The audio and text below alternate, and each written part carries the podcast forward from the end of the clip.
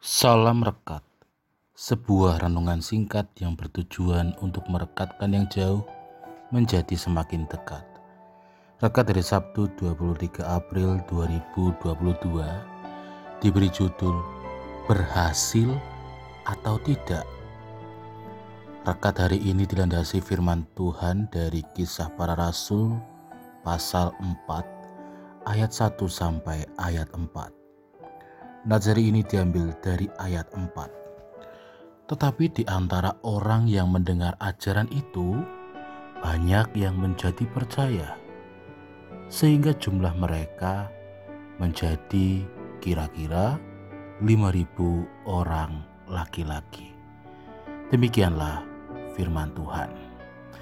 Bapak Ibu Saudara yang terkasih di dalam Tuhan, seorang petani ketika mengupayakan lahannya, ia akan melakukan berbagai macam cara supaya dari apa yang ditanamnya itu membuahkan hasil. Mulai dari menggarap tanahnya, menaburkan benih, merawatnya, hingga pada akhirnya tanamannya menghasilkan buah. Namun meskipun demikian, ternyata ada saja tanaman yang sudah diupayakan tetapi tidak menghasilkan buah atau bahkan tidak tumbuh dengan baik. Bisa mengering, bisa terkena hama atau ulat, atau bahkan tidak tumbuh sama sekali. Itulah gambaran ketika para rasul, terutama Petrus dan Yohanes dalam bacaan saat ini memberitakan Injil Tuhan kepada banyak orang di mana mereka menjelaskan tentang kuasa yang membuat mereka mampu untuk menyembuhkan orang lumpuh. Tidak hanya di situ juga, mereka menjelaskan tentang kebangkitan orang mati oleh kebangkitan Tuhan Yesus. Akibatnya mereka ditangkap dan dipenjara dan untuk kemudian diadili pada keesokan harinya oleh orang-orang Saduki. Namun apa yang telah mereka jelaskan kepada orang banyak di satu sisi, melalui orang Saduki kita bisa melihat bahwa mereka tidak dapat menerima Injil Tuhan.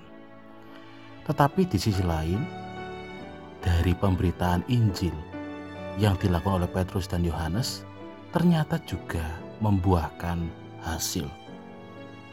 Orang banyak yang telah mendengar ajaran dari Petrus dan Yohanes kemudian percaya Bahkan dalam firman Tuhan saat ini dijelaskan jumlahnya kira-kira lima ribuan orang laki-laki.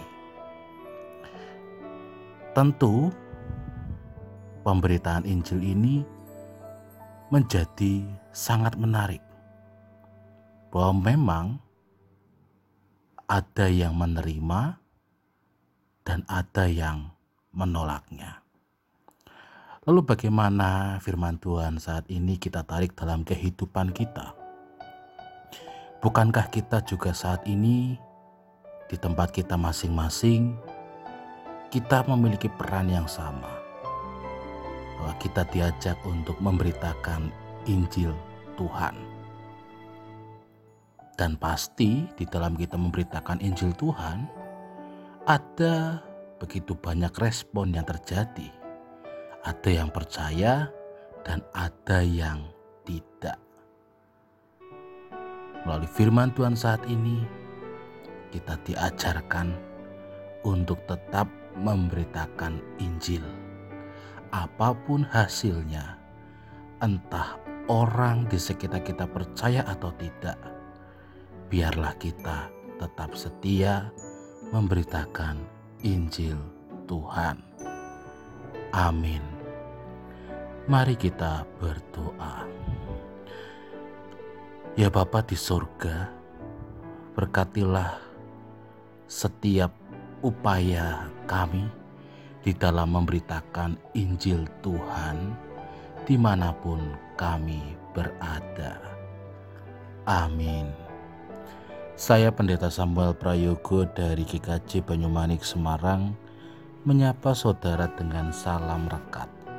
Sebuah renungan singkat yang bertujuan untuk merekatkan yang jauh menjadi semakin dekat.